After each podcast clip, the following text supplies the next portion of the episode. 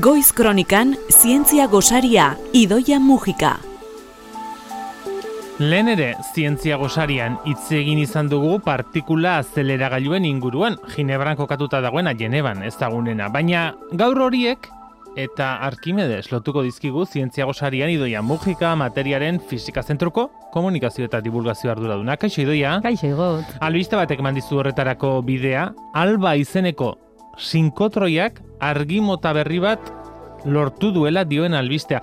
Lehenengo, hitz asko esan ditut hor. Zer da sinkotroi bat? Bai, zerran sinkrotroi bat, da, zuk esan dezu bezala, partikula azeleratzaile bat da. Gauza bera da. Bai, e, egia esateko hori da berez beraien fundamentua, ez? Ba, eraztu nizugarriak ere ikitzen dira, hor barnean arrizpi bat hasiten da bueltaka eta bueltaka eta bueltaka, azeleratuz dijoa ba, imanekin eta bar. Bai, entzule gogoratu behar dugu, Genebako azte hitz egin genuen, lurrazpian kilometroak eta kilometroak Bai, daudela, bai. hor partikulak ibiltzen direla bueltaka, bat formula baina azkarrago ulertzeko, Asko zazkarrago. eta Genebakoaren funtsa da, elkarren konta talka egiten dutela, Hori eta talka horiek aztertzen direla. Hori da, hori da, ezagunena den, Bai. edo hemen gertuen daukaguna zen, baina, hoietaz aparte, badaude beste sinkrotroi klase batzuk, non fundamentua berdina da, partikulak azeleratu egiten dira, baina ez dira nahasten partikula motak, adibidez, partikula bat hartzen duzu, ba, Bai. protoi bat odenako, bueltak hasten dezea, Ni ez du, ez ezerren kontra jotzen. Ezerren kontra Ah. jotzen eta nahiaina azeleratuta daukazunean, hau da, energia pila bat daukanean,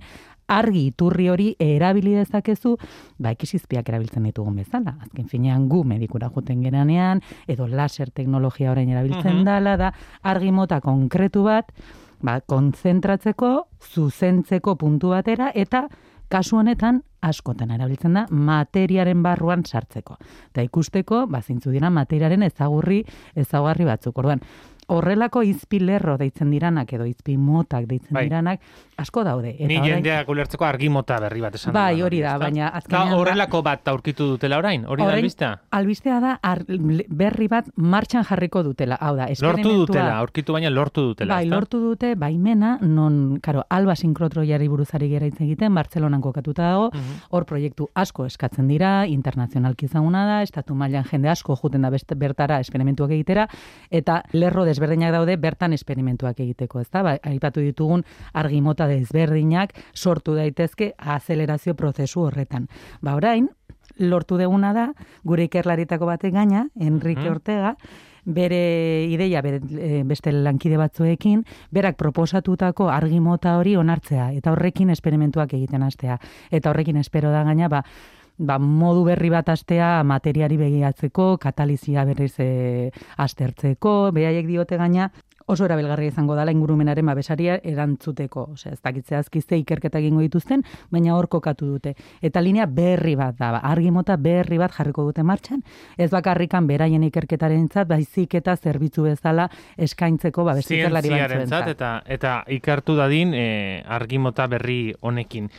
Hori ulertu dugu azaldu diguzu, baina zer zer ikusi du guztionek Arkimedesekin. Ba, beitu burura etorri zait oso historia polit bat urtetan kontatzen ez duana, eta benetan zuri gelditu nintzana, ze Arkimedes badakizu ezuek, ba, lekutan kokatzen dala, ez? Ba, aintzinako jakintxu bat izan zen, eta askotan Bai. aipatu dugu, Bai. Arkimedesen printzipioa, eta bar, baina badago historia bat izkutatua, egon zana urte askoz, eta Arkimedesen altxor galdua bezala esan ezagutzen dana, ez? Mhm. Palimpsestoa deitzen diote Arkimedesen palimpsestoa topatu zala. Orduan, palimpsesto zeote da, Bai, hori lehenengo. Bai, ni behintzat hori ez nekien historia hori irakurri nuen arte.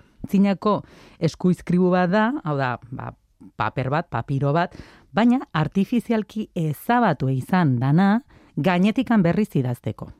Hau da, leno, garai batean, papiroa etzan nainoikoa, garestia Bai. zan, Alejandrian ere ba, momentu batean erabaki zuten ja zituztela import- esportatuko, orduan jende hasi izan esaten. Birziklatzen. Bueno, ba, birziklatu beharko dugu, orduan. Bai. Birziklatze prozesu horretan, Arkimedesen lan batzuk ere, palimpsesto-. Bai, palimpsesto bihurtu zituzten. Bueno, A lehenengo esplikatu dezagun zer den palinsesto edo Arkimedesek zer egin zuen e, bere lan horretan originala eta pentsatu nahi dugu oso oso aspaldikoa. Egia esateko kopia hau, Arkimedesen lana jasota zegoen amargarren mendean, ba, hor norbaitek bildu zituelako Aha. bere lanak. Osea, ez da berez Arkimedesek zuzen Arkimedesek zuzenen ez zuen egin, baizik eta bere lanen bilduma bat izan. Bai, baina zentzu Amargarren mendean, eh? Amargarren mendean, hori da, baina zentzu askotan zan, Mila urte baino gehiago. zan geneukan kopia bakarra, Mhm. Arkimedesen zenbait lanena. Bertan zer topatu genezaken, hasieran hasierako palimpsestoa bihurtu baino lehen papiro horretan, adibidez, planoen orekari buruzko lanak, Arkimedesenak, espiralei buruzkoak, zirkulo baten neurria, esferaren eta zilindroaren gainean egindako lanak, baita gorputz flotatzailei buruz, hau asko gustatzen zaidan laneri, ba, Arkimedesen printzipioa ditzen dioguna, Bai. e, gaina obra Aipatu izan dugu globo aerostatikoak eta aipatzen. hori da, teorema mekanikoen metodoa, eta gaina lan honek esaten dizuena kopia bakarra da, e, dakiguna, ba, Arkimedes lan hoiekin ibili izanla ere. Edo estomakion obraren kopiarik osoena. Estomakion tan gran motako puzle geometro, geometriko bat da, eta hori beste programa baterako emango guke gaia, baina bueno, pein, peintza beintziat altxor bat bazegola hor gordeta, ez? Eta esan bezala ezabatu zen. Ezabatu zen, Mila berreundo. mila berreunda, monje kristau batek, Joan Mironesek, ba, a, erabaki zuelako, ba, paper hori behar zuelako beste zerbaitetarako. Eta Beraz, amargarren mendean egintzen palinsesto hori edo Arkimedesen lan nagusiak jasotzen zituen eskuizkribu hori, handik hiru mendetara, erabaki zuen monje kristau batek, ba, behartzuela bere lan batzuk eh, idazteko, liturgiako lanak eta pentsatzen dugu kristautasunari Bai. lotutako lanak, eta nolabait gainetik, jendeak ulertzeko gainetik idatzi zuen edo Gainetik idatzi zuen, Mhm. zuzenean, borratu eta eta gainetik idatzi. Eta zazpi mendez horrela mantendu zen. Baina, mila bederatzireun da segarren urtean, eran zenbat mende pasatu diren, eh? zazpi mende hor izkutuan informazio guzti hori. Hori JLG Iberre, Kopenhageko Unibertsitateko klasikoen irakaslea zana, ba, azpi testuak e, ordura arte ez ezagunak ez ziren Arkimedesen lanak zituela konturatu zen. Bera, iskinetan, ba, Mhm. gusten zituen hor esateko. zer- Zerbait zer- ikusten zuen arraroa. Bai, zergatik handa hemen zenbaki batzuk, zergatik handa orduan, bera oso aditua zan Arkimedesen lanetan, ba, er, er, eskerrak, eta ordun konturatu zan, aizu, agian hemen e, gordeta dagoen, edo erdi ikusi egiten dan, intuitu egiten dan informazio horren azpian zerbait dago, eta hor sartzen da zientzia. Eta hor sartu zen proiektu zientifiko bat Arkimidesen hitza berreskuratzeko, Arkimidesen palimpsesto hau berreskuratzeko. Hori da, hor da, mila bederatzen da, laro eta meretziar, meretzira jun behar gara, subasta bat egon zan, kristizisen, eta norbaitek, erosle anonimo batek, erosi zuen palimpsesto hau, erosi zuen ja dokumentu hau jakinda agian azpian zerbait zegoela. ez? Antzune, entzule, bi milioi dolarren truke. Erozi zuten papiro sorta hau, eta, Horri zan. bueno, ustez, eh, azpian Arkimedes zeukan esperantzan, baina Hori bi da. milioi dolar, baina ez dakigu nork erosi zuen. Ez, eh, Naiz eta aipatzen diren bi izen ezagun izan litezkela. Bai, Bill Gates batetik edo Elon Musk bestetik, bai, bai, baina,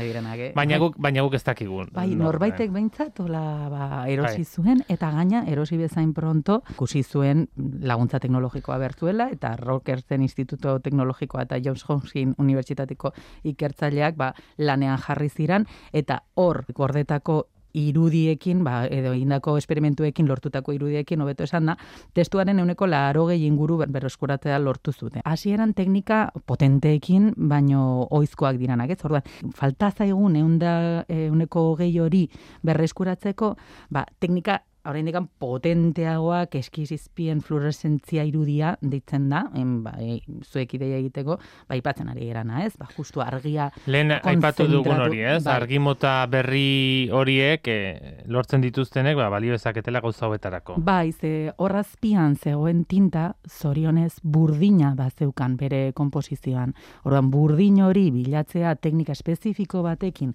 justu burdina detektatzen duena, lortu izan zan irakurtzea hori burdin tinta horrekin idatzitakoa. Eta are gehiago, azkeneko ikerketak egin ziranak, sinkrotron erradiazio laborategiak erabiliz egin ziran. Eta berriz ere hemen ja, ba, goiti bera begiratu zen palimpsesto guztia, eta ja goiti bera atera zen, ba, hor gordeta egon daiteken informazio gehiena. Oraindik ere proiektua martxan dago, eh? eta museo bat dago horren inguruan, Palimpsestoa gaur egun Baltimoren dago, estatu batu edan, Walters. Arte Museoan, eh? hori da, han horrera, hor erosle anonimo horrek zeditu zuen, edo nolabait eman egin zien. lagapena egin zien, lagapena eh, egin zien, eta gaur egun bertan jarraitzen du, eta finantziazioa hori bai, ba, epatu ditugun ikerketa guztia hauek finantziatzeko, oraindikan ba, anonimo pertsona dan honek jarraitzen du orraintzen ba, be, egin behar diren ikerketa guztiak. Ez? Haze historia sinkotroitik abiatuta ondu duguna zientzia gozari honetan, plazerra, beste behin ere zurekin gozaltzea, datorren astean, amaia arregirekin egingo dugu zita, baina tokatuko gara berriro idia mojika eskerrik asko. Zerarte.